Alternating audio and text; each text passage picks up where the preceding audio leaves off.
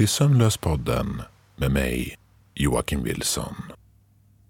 Detta år har inte börjat på det sättet som jag tänkt mig. Planeringar har gått helt åt skogen. Timingen blev lite fel på förra avsnittet som gjorde att det blev en cliffhanger och i lördags blev det datorkrångel som gjorde att jag inte kunde släppa avsnittet som i princip var klart.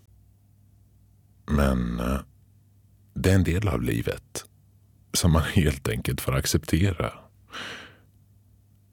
Att saker och ting inte alltid blir som man tänkt sig. Precis som för mannen i historien som du nu ska få höra fortsättningen på. Allt han ville var att ha ett lugnt liv för sig själv. Men detta blir inte fallet. Nu kommer hela historien av Ögonen i Arkösund.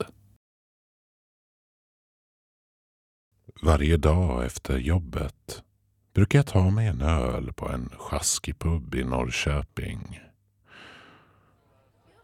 Efter ett tag så bildas en slags gemenskap hos oss stammisar. Vi är trasiga, självömkande. Vissa till och med högljudda och odrägliga. Fyllon brukar de kalla oss. Det var i det här sammanhanget som jag mötte mannen i kostymen.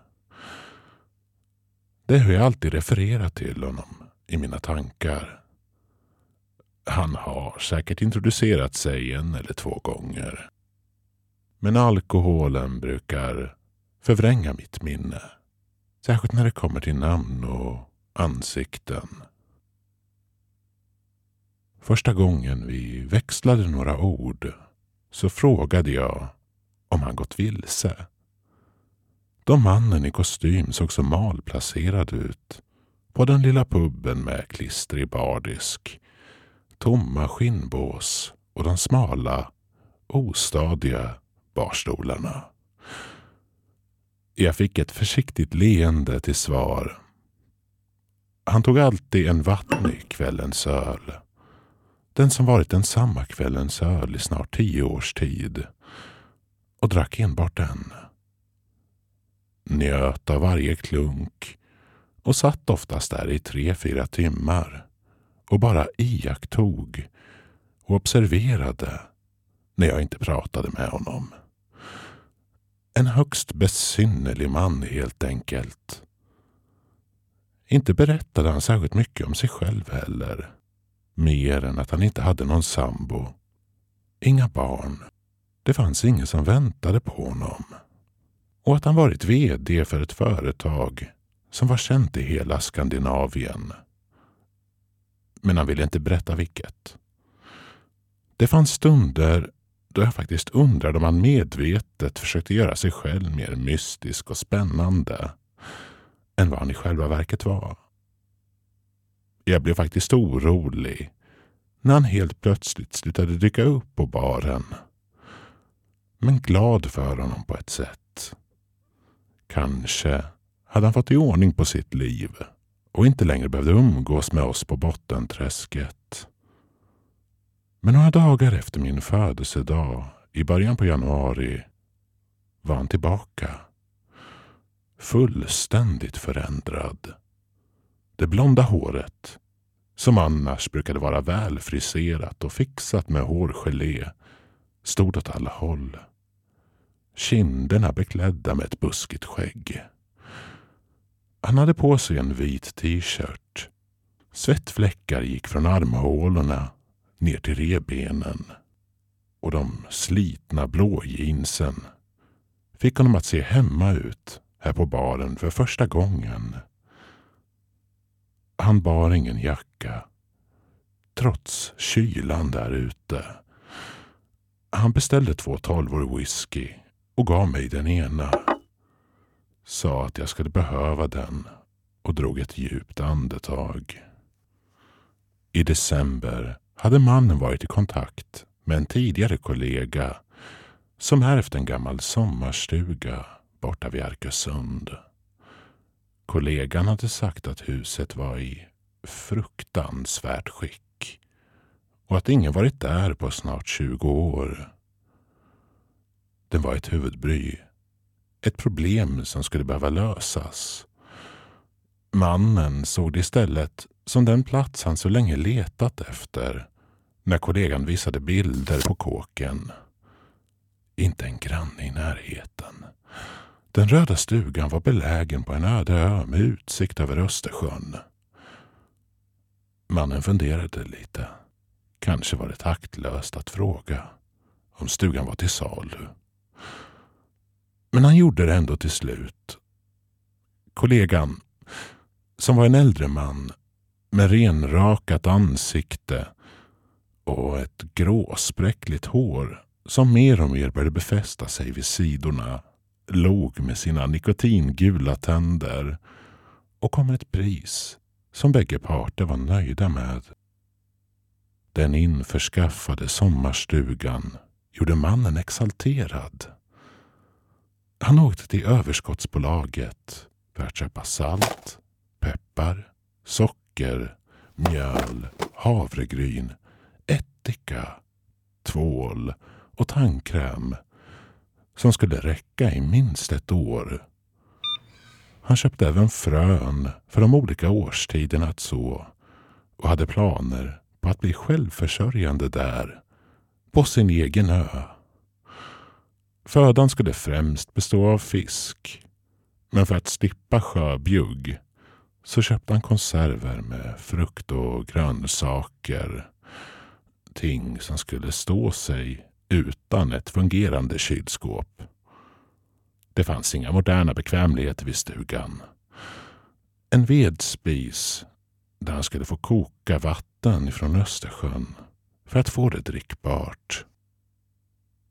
Den största prövningen skulle vara att strunta i kaffe och den dagliga ölen som han unnade sig. Ett tag funderade mannen till och med på att köpa snabbkaffe men kände att det skulle vara fusk. Vad han eftersträvade var ju ett självförsörjande, pittoreskt liv. Kanske med hönor framöver.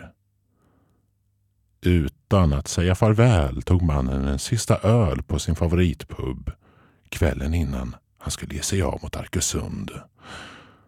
Han ägnade sig åt den syssla som han skulle komma att sakna så mycket. Att bara sitta ner, ta en öl och se hur folket runt omkring interagerade med varandra. Kroppsspråk, alla misslyckade ragg, högljudda diskussioner om fotboll och politik. Det fanns många experter som skulle göra allting bättre än partiledare och fotbollstränare. Bara om de fått bestämma. Oftast satt han bara där och lyssnade. Upplevde allt som om det vore en film. Men nu skulle mannen själv bli huvudkaraktären. Det var något som motiverade honom. Att ta kontrollen över sitt eget liv. Jag såg hur han lyste upp när han berättade det. Och vi beställde in ytterligare en runda whisky samt varsin öl.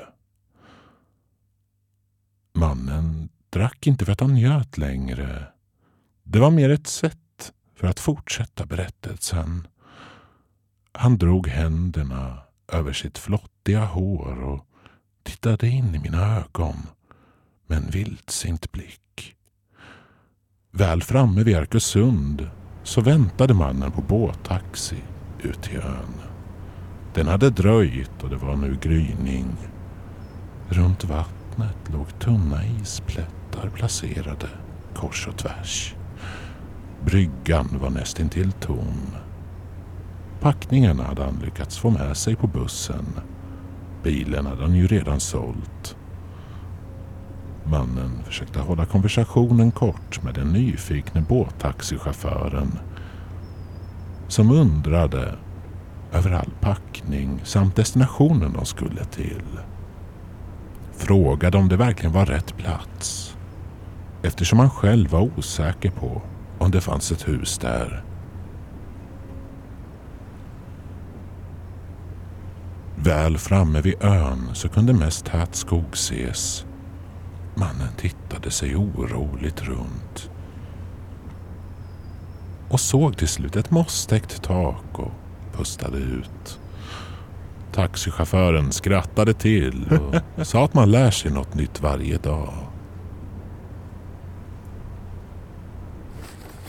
Mannen började lasta av den tunga packningen och mitt i stånkandet och stönandet så tappade han mobiltelefonen som föll i havet.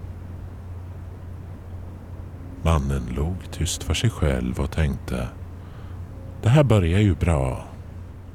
Men ägnade inte mer tanke till det.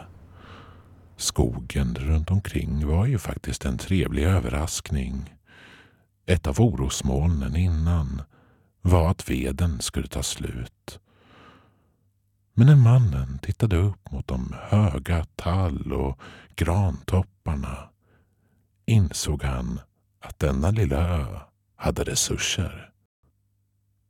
Mannen skakade snabbt av sig den olyckliga starten på sin resa och började bära upp packningen till sin nya bostad. Den röda färgen flagnade på utsidan och den lilla trappen som ledde till ytterdörren var trasig.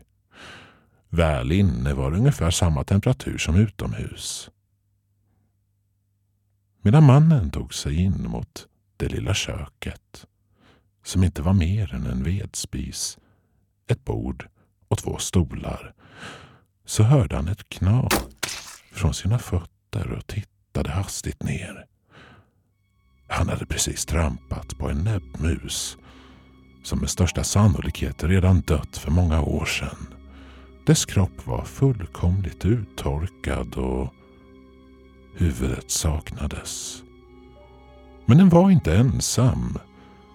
Runt om golvet låg flera möss och råttor. Samtliga med huvudena avbytna. Deras magar uppsprätta och torkade inälvor och blodfläckar färglade det knarriga parkettgolvet. Mannen mådde illa. Undrade vad det var för typ av djur som behandlat dessa möss på ett så grymt sätt. Och hoppades med hela sitt hjärta att det inte varit den tidigare ägaren. Med hjälp av en spade så plockade han upp gnagarna som låg runt om i stugan på golvet. Han räknade dem innan han begravde dem under några spadtag med jord i skogen. 53 stycken. Borde han ha tagit med råttfällor? Kanske fanns det ett sätt att göra egna råttfällor. Mannen kom sen på att han inte längre kunde googla en sån enkel sak. Utan han skulle för första gången på många år få använda sitt sunda förnuft. Visst grämde han sig över att ha tappat telefonen och var orolig över att inte kunna betala räkningen till den. Men det kändes även rätt att inte ha den med sig på något sätt. Även fast han nu inte kunde kontakta omvärlden. Mitt i sina funderingar tyckte han sig höra någonting från skogen. Det lät stort. Som en älg eller ett vildsvin. Men rörelsen var tilltänkt. Som ett rovdjur smygande. Är det någon där? hade mannen frågat. Men fick inget svar. Hade han redan börjat bli paranoid? Att vara ensam på det här sättet på en ö var helt nytt så varje ljud registrerades. Men mannen ville inte dra allt för stora slutsatser av att det prasslade till lite i skogen. Resten av dagen spenderade han med att hugga ved. Det fanns några få frostbitna vedklabbar nära stugan som måste ha förberetts av den tidigare ägaren. När han fått igång vedspisen och flammorna sprakade hemtrevligt och lyste upp den lilla stugan kände han en känsla av uppfyllelse. Att han lyckats slutföra en uppgift som skulle göra livet på ön betydligt lättare. Dagen efter planerade han att fiska. Han var redo för att både meta och pimpelfiska. Efter en simpel måltid bestående av bröd från mjöl, vatten och salt som han stekte i stekpannan så var magen eh, relativt full. Han stekte några extra bröd till morgondagen och hade ingenting emot om de skulle bli lite torra. Det skulle ju bli som knäckebröd då. Under första natten på ön sov mannen oroligt. Han kunde vagt minnas mardrömmen om att springa för sitt liv. Känna hur någonting flåsade honom i nacken. Men också sin ovilja att blicka bakåt och titta mot vad det var som jagade honom.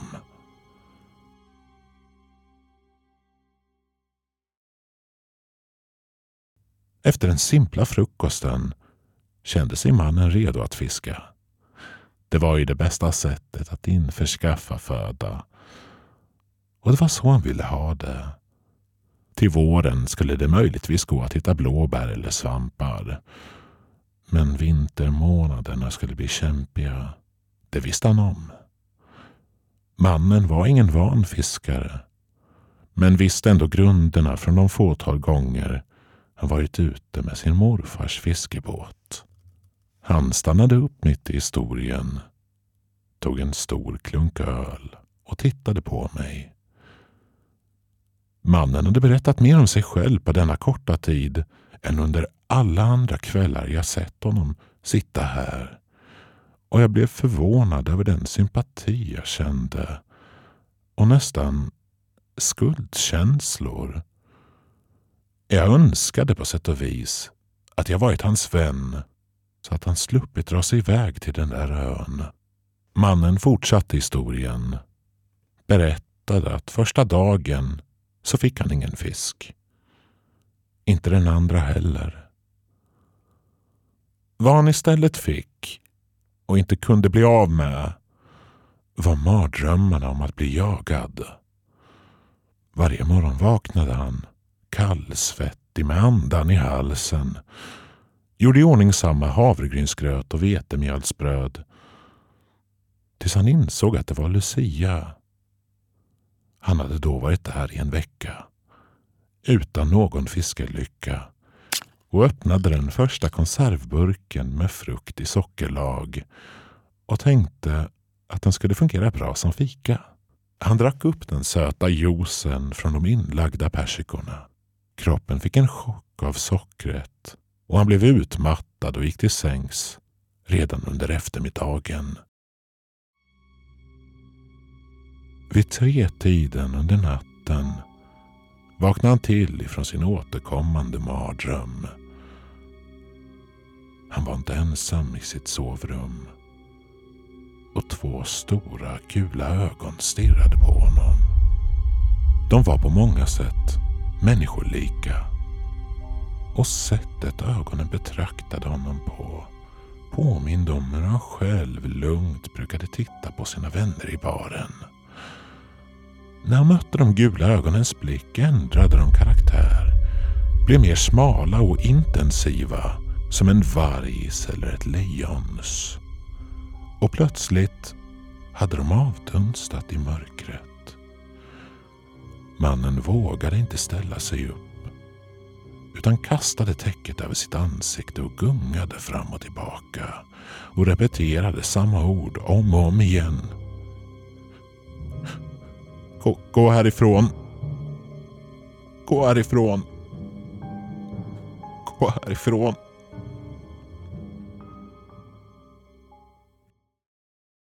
Det blev morgon. Men mannen hade legat vaken sedan tretiden då han försiktigt lyfte upp täcket bort från ansiktet. Ingen fanns där. I sovrummet som lystes upp av morgonsolen. Hade beslutet att leva som eremit gjort honom vansinnig? Eller fanns det någonting där på ön? Efter samma bröd och havregrynsgrötfrukost som samtliga dagar tidigare gick han ner till vattnet för att återigen försöka få sig lite fisk. Det fanns både för och nackdelar med att fiska. Det gav honom mycket tid att grubbla. Att tänka på vad han såg under nätterna. Men det var också en trygg rutin. Och någonting han började bli bättre och bättre på. Och han hade varit nära på att få upp en fisk några gånger. Så den 16 december hände det äntligen. Han fick inte bara upp en, utan tre abborrar. Mannen var stolt. Och trots att mardrömmarna fortfarande fanns där hade han inte sett röken av ögonen något mer. Han la fiskarna i en balja i köket och gick ner till sjön för att hämta vatten. Det här skulle firas med en kopp silverte, alltså varmt vatten. Någonting han lärt sig att avnjuta här på ön. Han tvättade sina händer i det kalla vattnet och gick nöjt tillbaka till stugan. Han tittade på trappan och tänkte på hur han skulle ordna till den till våren. Gick in till köket för att steka abborre till lunch. Äntligen! Men i den vita diskbaljan var det nu tomt. Mannen hade blivit bestulen. Det fanns egentligen bara någon eller något som kunde vara skyldigt. Ögonen hade mannen mumlat tyst för sig själv vid detta ögonblick.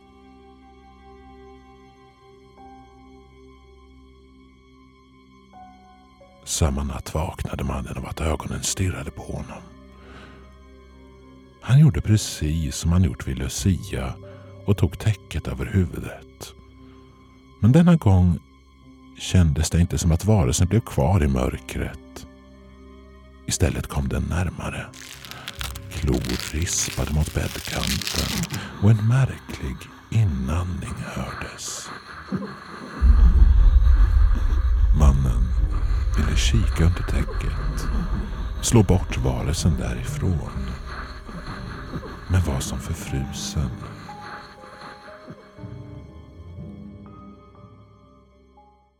När solen gått upp var de övervakande intensiva ögonen inte längre där.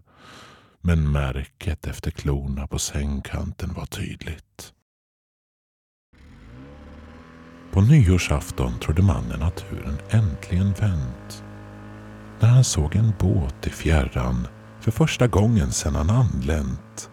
Han började vinka som en galning och skrika. Men båten var antagligen för långt borta för att höra honom. Eller ville de bara inte hjälpa? Det fick mannen att agera. Någonting behövde göras. Han började hugga ner flera av träden på ön. Han hade tappat minst tio kilo sedan han anlände och hade väldigt lite energi på grund av den föda som fanns tillgänglig. Fiskelyckan hade hjälpt. Men det var långt ifrån en garanti varje dag. Han tog mindre kvistar och blandade med vedträn. Bokstaverade stort SOS. Bredvid gjorde han upp en stor brasa som han tuttade på. Och med hjälp av täcket lät han röken lämna ön vidare ut mot obebodda grannöar i fjärran. När han, helt utmattad, gick tillbaka in i skogen för att hämta yxan så blev han omkullknuffad av någonting och föll till marken kände hur vassa klor rev huden på hans kind. Ögonen som tittade på honom var ilskna. Den form av hybrid mellan människa och rovdjur som han sett så många gånger innan. Mannen kröp på alla fyra, så snabbt han bara kunde, närmare brasan. Elden, som han trott sig ha under kontroll eftersom han noggrant hällt vatten runt om den hade spridit sig in mot skogen och ett enormt rökmoln lämnade ön. Hans plan hade ju inte varit att tutta eld på ön. Absolut inte. Men kanske, bara kanske, kunde brandkåren i Arkösund se detta och skicka ut en båt. Varelsen gick närmare honom. Fortfarande täckt av träden i skogen. Han hörde nu hur den rörde sig fram på två ben. Mannen blundade och gick närmare lågorna. Han ville hellre brännas ihjäl än att monstret skulle ta honom. Till han plötsligt hörde en båt. Varelsen rusade därifrån, djupare in i skogen. Brandmännen gick i land på den röktäckta ön och började släcka ner elden. De tog sedan mannen tillbaka in till Arkösunds hamn. Och nu var han här bredvid mig. Levande. Men ändå ärrad för livet. Enligt mannen så var det inte sista gången som han skulle besöka ön. Jag tittade chockat på honom. Han berättade att mardrömmarna fortsatt. Att bestens ögon förföljer honom varje gång han blundar. Det finns bara ett sätt att bli kvitt det. Åka dit och bränna ner skiten. Tack för att du lyssnat George. Det betyder mycket för mig. Jag ville vara den personen här inne som hade en historia för en gångs skull. Skål! Sa han allvarligt. Innan jag hann stoppa mannen så var han borta. Det har nu blivit februari och han har fortfarande inte kommit tillbaka. Och jag antar att det var sista gången jag någonsin såg mannen i kostym.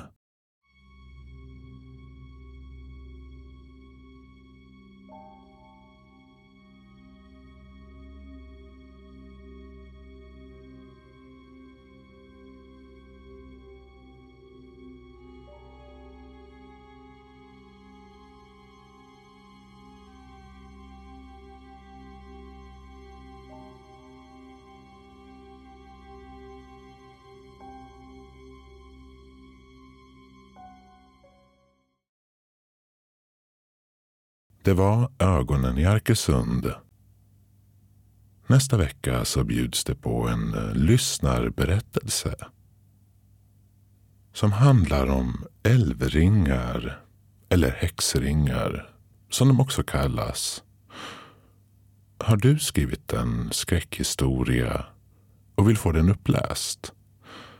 Mejla då in till somlospodden at gmail.com. Samlespodden är inspelad, skriven, redigerad och dramatiserad av mig, Joakim Wilson. Tack för att du lyssnat och välkommen åter.